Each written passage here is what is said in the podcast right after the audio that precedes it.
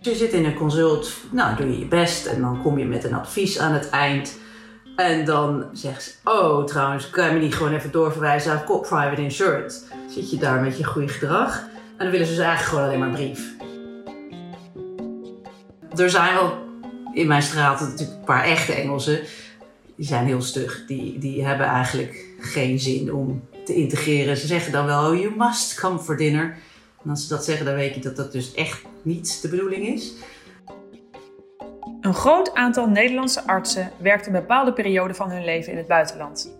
Ik wil weten, wat drijft deze mensen over de grens en waar lopen ze tegenaan?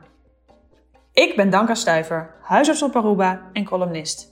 In samenwerking met het Medisch Contact zal ik in deze podcastserie Nederlandse artsen interviewen die wonen en werken in het buitenland. We gaan het hebben over hun persoonlijke overwegingen, hun belevenissen en over de positieve en negatieve kanten van hun vertrek. Weg bij familie en vrienden, weg uit de comfortzone, over de grens naar een onbekend land met een andere cultuur en taal en een ander zorgstelsel. Vandaag ga ik vanuit Aruba in gesprek met Martje Ledeboer en zij werkt al sinds zeven jaar als huisarts in Londen. Martje, welkom. Dank je, leuk om eh, zo met je te spreken. Ja, wat vertel eens. Jij was praktijkhoudend huisarts in een goedlopend gezondheidscentrum in Amstelveen. Waarom heb je dat vaarwel gezegd? Ja, ik, ik heb de praktijk overgenomen destijds. Ehm, nog een beetje echt in de tijd dat het in de garage wat van mijn voorganger was. En ik wist dat de hoed zou gaan gebeuren. En daar hebben we uiteindelijk met zeven huisartsen ja, iets moois van gemaakt. En in dezelfde tijd heb ik uh, mijn man ontmoet, drie kinderen gekregen. En eindelijk liep alles echt wel super goed. Ik was gewend en, en uh, iedereen happy, patiënten happy. En toen werd mijn man voor zijn werk eh, voor Shell naar Londen gestuurd. Ging hij daar in de scheepvaart, uh, shipping en maritime wat doen. En toen um, dacht ik, ja, ik ga echt niet mee, want ik, het gaat goed. Ik, uh, hij gaat maar op en neer reizen. En dat, dat heeft hij een jaar gedaan. Helaas was dat best wel stressvol. Kleine kindertjes. En dan zou hij om uh, zeven uur de vliegtuig hebben. Dan was er mist. En dan was er weer een uitgevallen vlucht. En dan kwam hij weer niet. En dan zat ik daar met mijn prakkie en de kindertjes.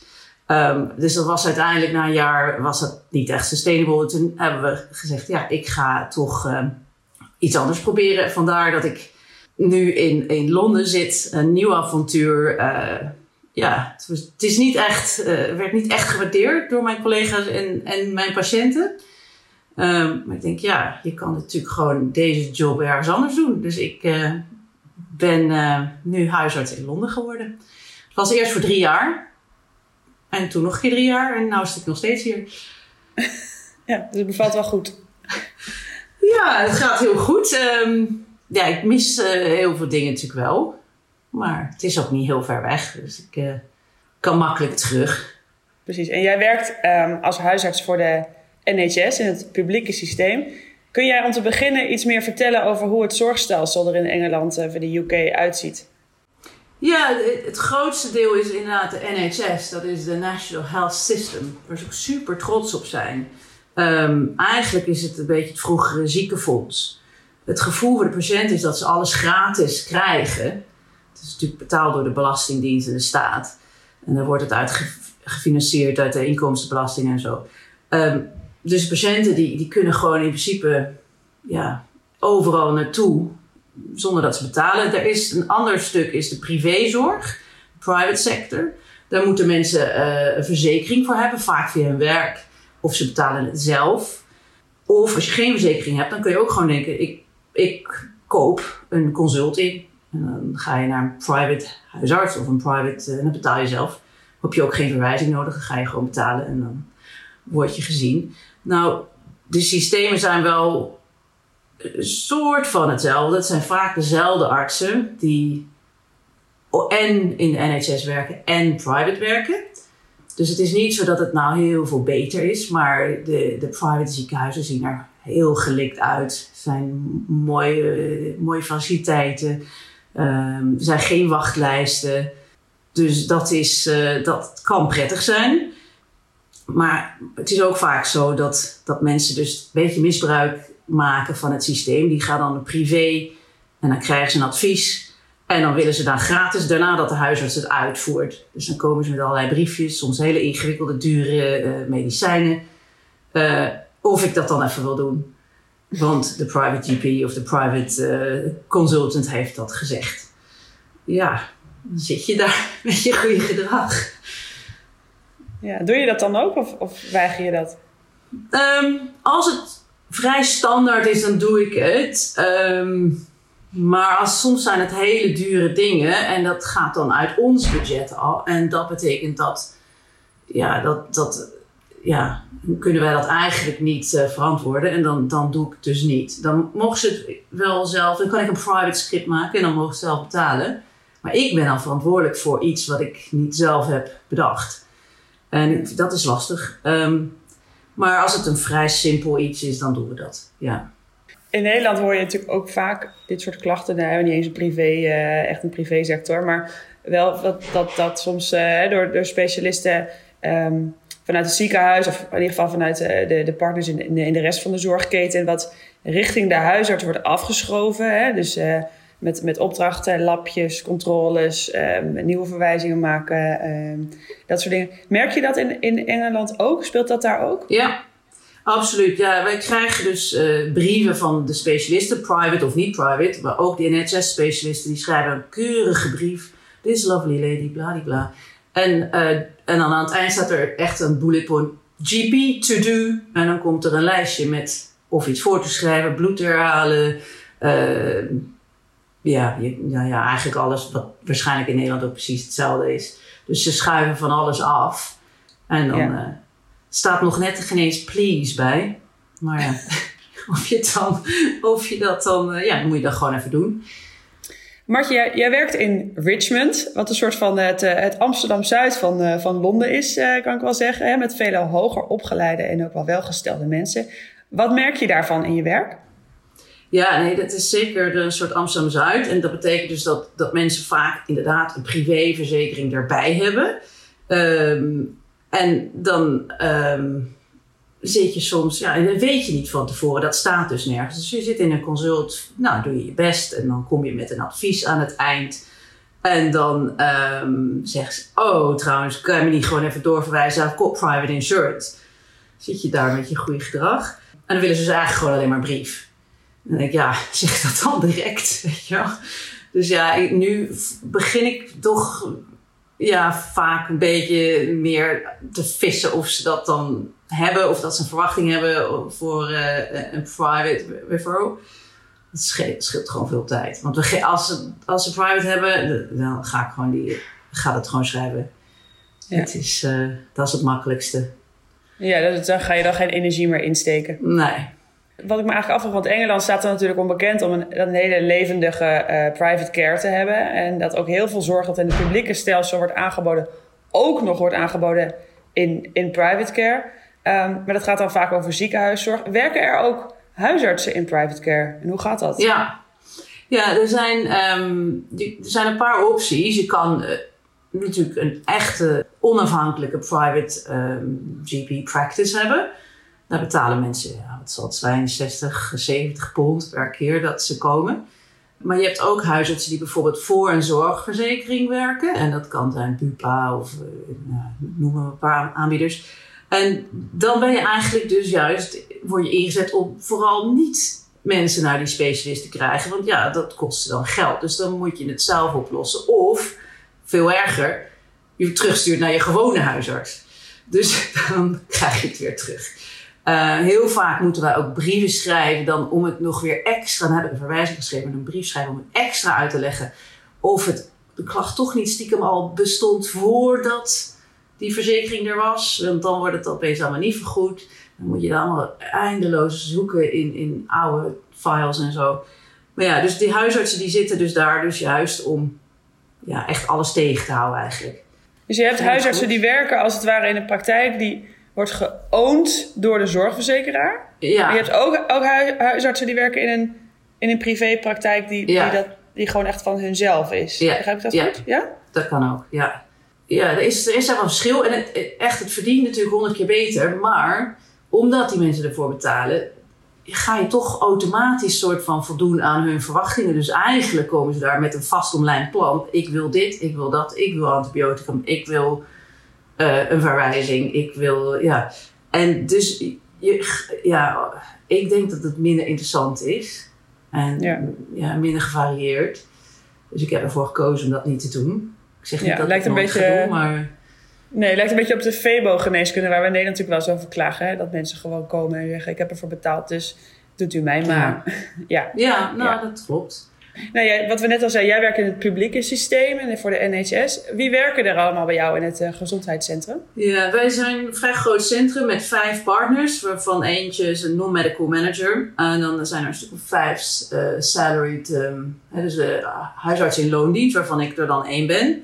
En dan hebben ze een waarnemer hier en daar, in wat huisartsen in opleiding. Ze hebben twee nurses, een diabetesverpleegkundige. En we, wat, wat heel fijn is, we hebben een pharmacist ook in dienst.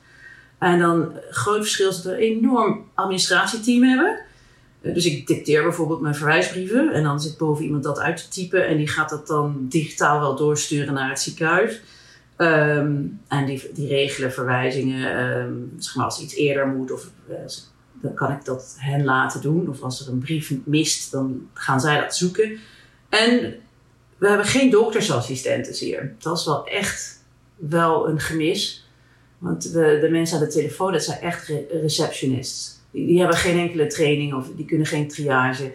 Dus je krijgt soms dingen op je spreker dat je echt denkt, ja, dat is niet nodig.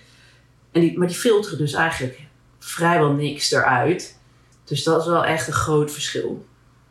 Ja, dus die, die, nemen alleen maar een afspraak aan eigenlijk, maar die gaan niet kijken of er echt, hè, die gaan niet triageren zoals jij uh, in Nederland gewend was. Van moet het nu of moet het volgende week of, ja. uh, of moet het überhaupt? Ja. ja. Hoe vind je het qua werkdruk? Het is heel druk.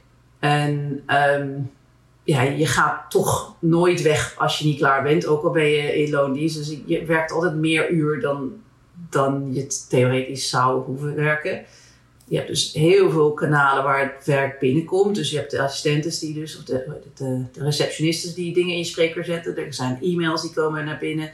Um, en dan zijn er dus al die brieven waarvan je dingen, waar je dingen mee moet doen. En dan hebben we nog een systeem waarbij je zelf soort van triageert. Dan zit je één ochtend in de week allemaal berichtjes te lezen. En die moet je dan assignen naar, die moet je dan ah, jezelf verdelen. Dus dan ben je zelf een beetje triagist.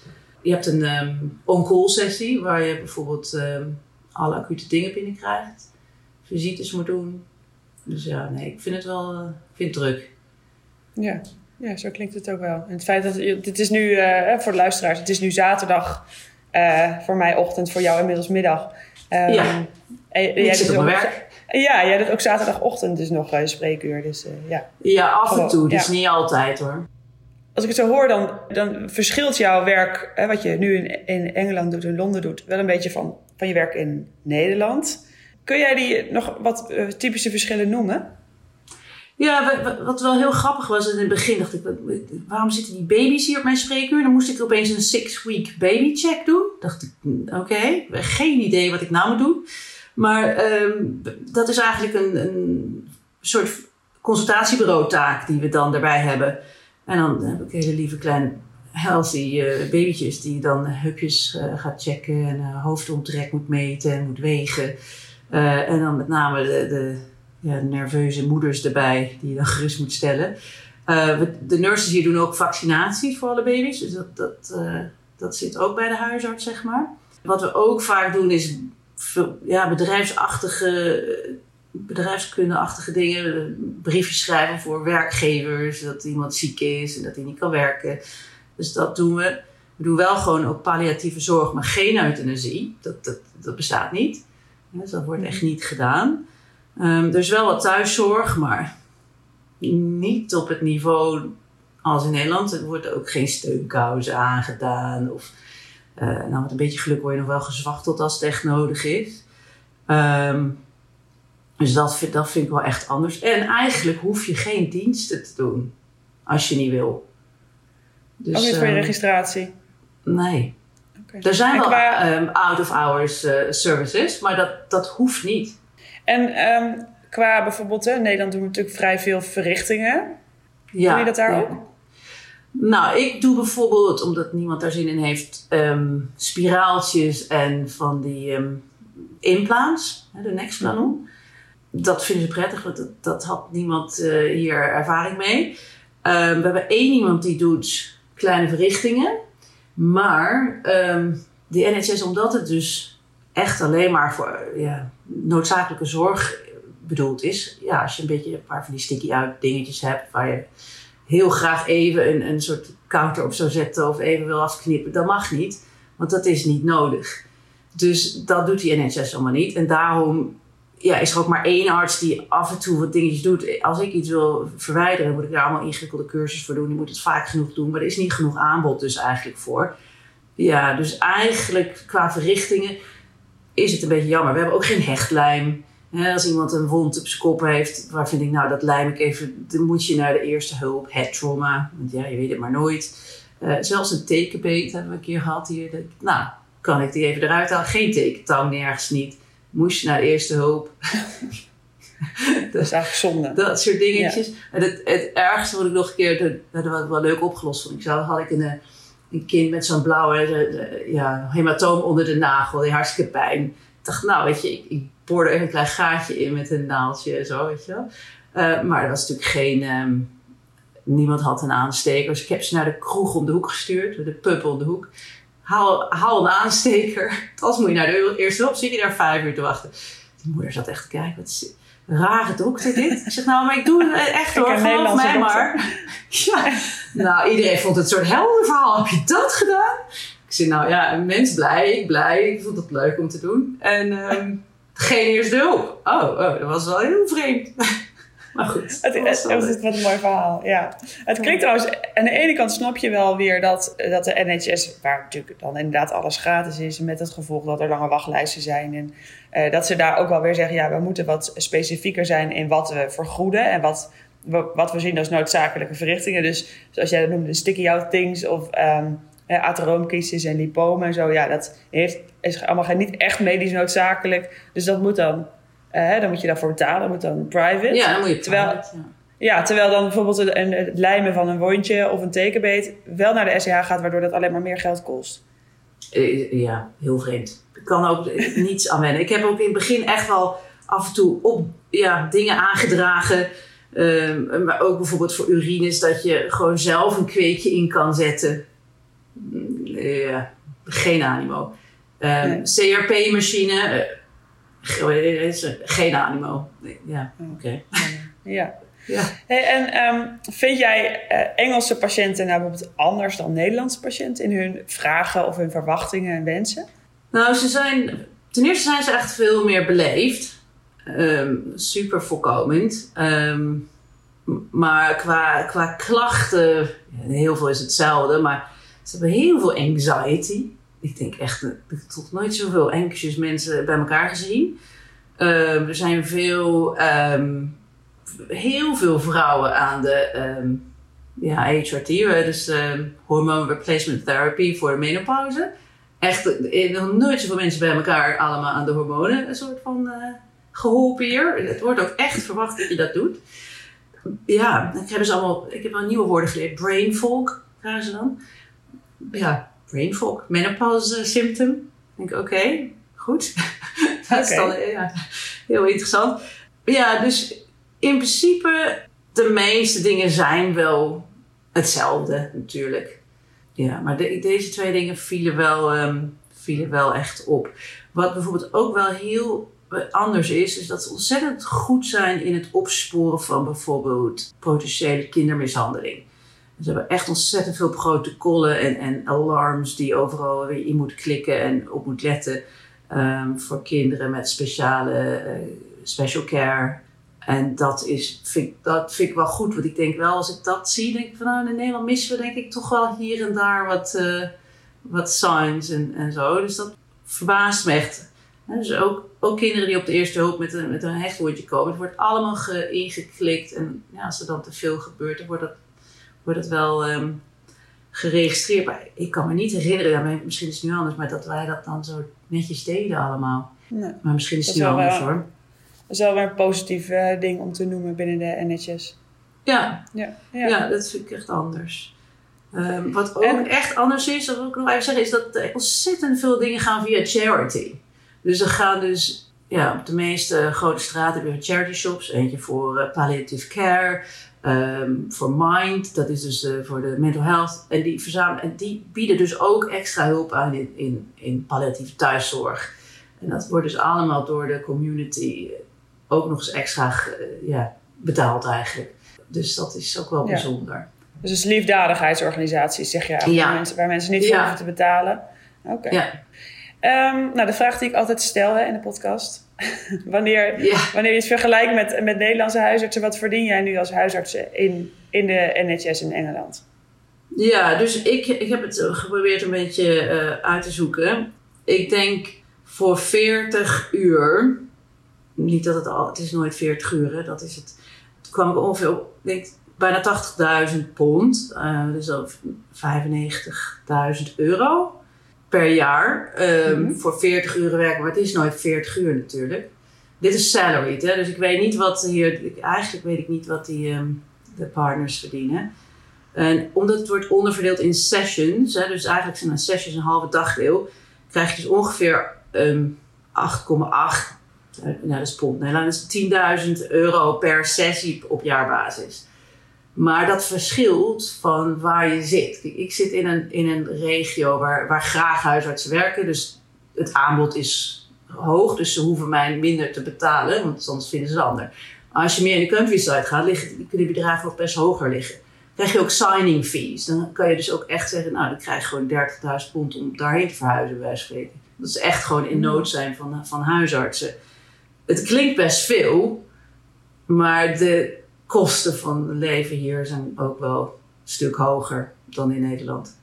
Zo, zoals?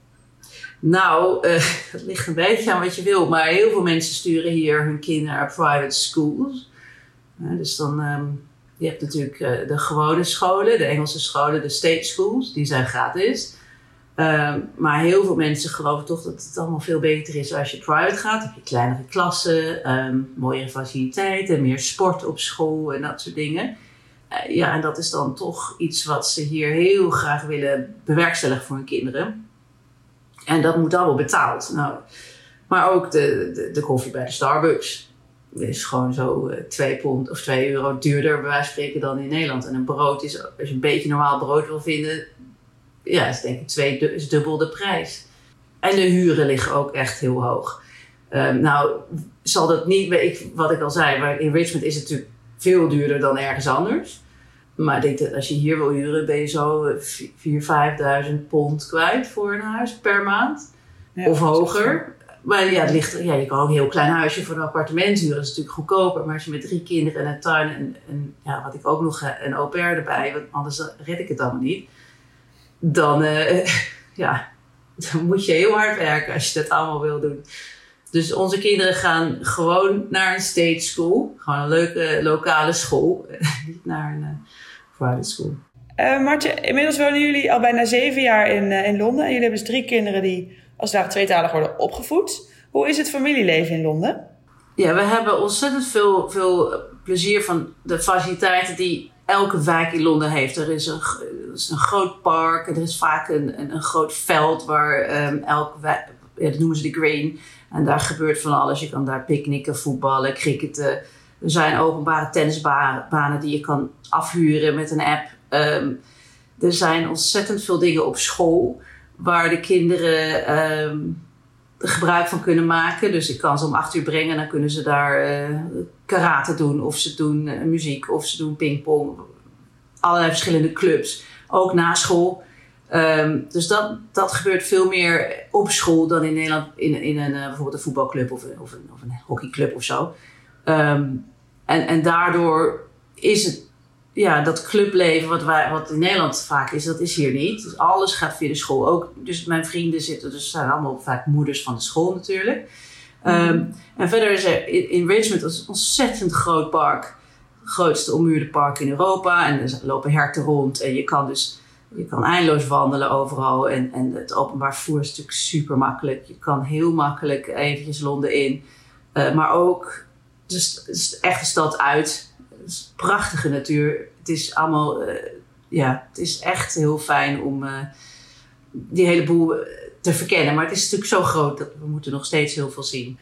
Je zei net al even ja, dat je ook wel wat vriendinnen hebt via de, via de school van, van je kinderen. Hoe makkelijk vond jij het om als Nederlander te integreren? Nou, ik, ik heb me gewoon maar direct opgeworpen als klassenmoeder. Niet dat ik daar nou echt heel veel zin in had. Maar ik denk, ja, dan, dan leer ik de mensen kennen. Leren ze mij kennen. En dat is makkelijk als je dan uh, een playdate wil organiseren. Je niet je kind bij een totale vreemde terechtkomt. Um, het is hier heel internationaal. Het maakt het ietsje makkelijker. Dus mensen begrijpen het iets meer. Zelfs Engelsen die hier zijn en of getrouwd met een buitenlander, of ze zijn, hebben zelf een buitenlandse, een van die ouders is buitenlands. Alles is bijna tweetalig hier trouwens.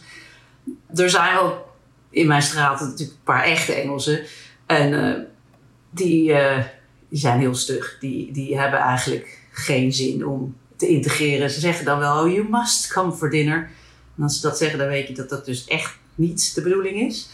Dat is echt een beetje hun standaard zinnetje. Um, dus uh, dan, dan nou ja. Dus die, de, maar ja, over het algemeen is het toch via de kinderen allemaal. Uh, ja. Dus de, dat is denk ik niet anders dan in Nederland. Ik ben wel heel benieuwd wat jullie plannen zijn voor de toekomst. Ja, um, goede vraag. Het blijft altijd spannend. Ik, ik, ik wil wel weer een keer terug. Ehm, maar aan de andere kant, de kinderen zijn heel erg uh, happy hier. Um, Gijs werk loopt goed. Um, dus ik, ik denk, Nederland is niet ver weg. Covid is nou weg, dus we kunnen makkelijk op en neer. dus we zijn eigenlijk, ja, happy hier. Maar ik, ik denk als we naar Nederland zou gaan, is het ook goed. Dus het is allebei, zou het zou het goed zijn. Maar ik merk wel, mijn ouders worden ouder. Uh, ja, ik, ik, mis natuurlijk mijn, mijn, broers en mijn vrienden in Nederland. Soms dan uh, ja, is het echt lang voordat je ze weer ziet. Uh, en dat, ja, dat is jammer. Dus ja, het, is, het blijft altijd een beetje dubbel, denk ik. Laatste vraag. Wat zou jij een collega adviseren die, om, die overweegt om, om ook in Engeland te gaan werken? Hoe moet je dat aanpakken qua contacten en dat soort dingen? Ja, er is nu een makkelijk systeem ontwikkeld. Dat was er niet toen ik dat deed, toen ik hierheen ging. Je kan dus eigenlijk uh, in een soort kant-en-klaar pakket terechtkomen waarbij je een, um, je moet een language test doen die, ja, je moet hem niet onderschatten. Ook al denk je dat je goed Engels spreekt, het is, het is niet makkelijk die test. En daarna moet je nog een multiple choice test doen, medisch test. En je moet nog wat simulated surgery doen. Ga eens kijken of je een goede bedside manners en zo hebt. Um, en dan krijg je een stage aangeboden. En dat wordt dus tegenwoordig allemaal. Er zijn volgens mij agencies voor die dat allemaal regelen. En dan krijg je direct stageplek. En een beetje geluk mag je daar dan blijven. En dan is het allemaal in één keer geregeld. Het belangrijkste is dat je uit gaat vinden wat de. Ja, als je kinderen hebt, dan moet je dus gaan wonen in een wijk waar de goede scholen zijn. En waar dus goede state schools zijn, als je tenminste niet private uh, wil. En dat is niet overal hetzelfde. Is het, is het door, de, door, de, door de brexit nog nu moeilijker om daar als huisarts aan de slag te gaan? Of denk je van niet? Nee, er is, er is gewoon een groot tekort aan huisartsen, niet in alle regio's. En ze hebben dus gezegd dat eh, na de brexit sommige beroepsgroepen gewoon uitgezonderd zijn. En die mogen dus makkelijk, die kunnen makkelijk komen. En het is echt een super fijn land om, om te wonen, um, te werken. Het is heel mooi. Ik moet nog steeds heel veel zien. Um, dus ja, dat gaan we ook doen. Mooi. Nou, dankjewel Martje. Graag gedaan.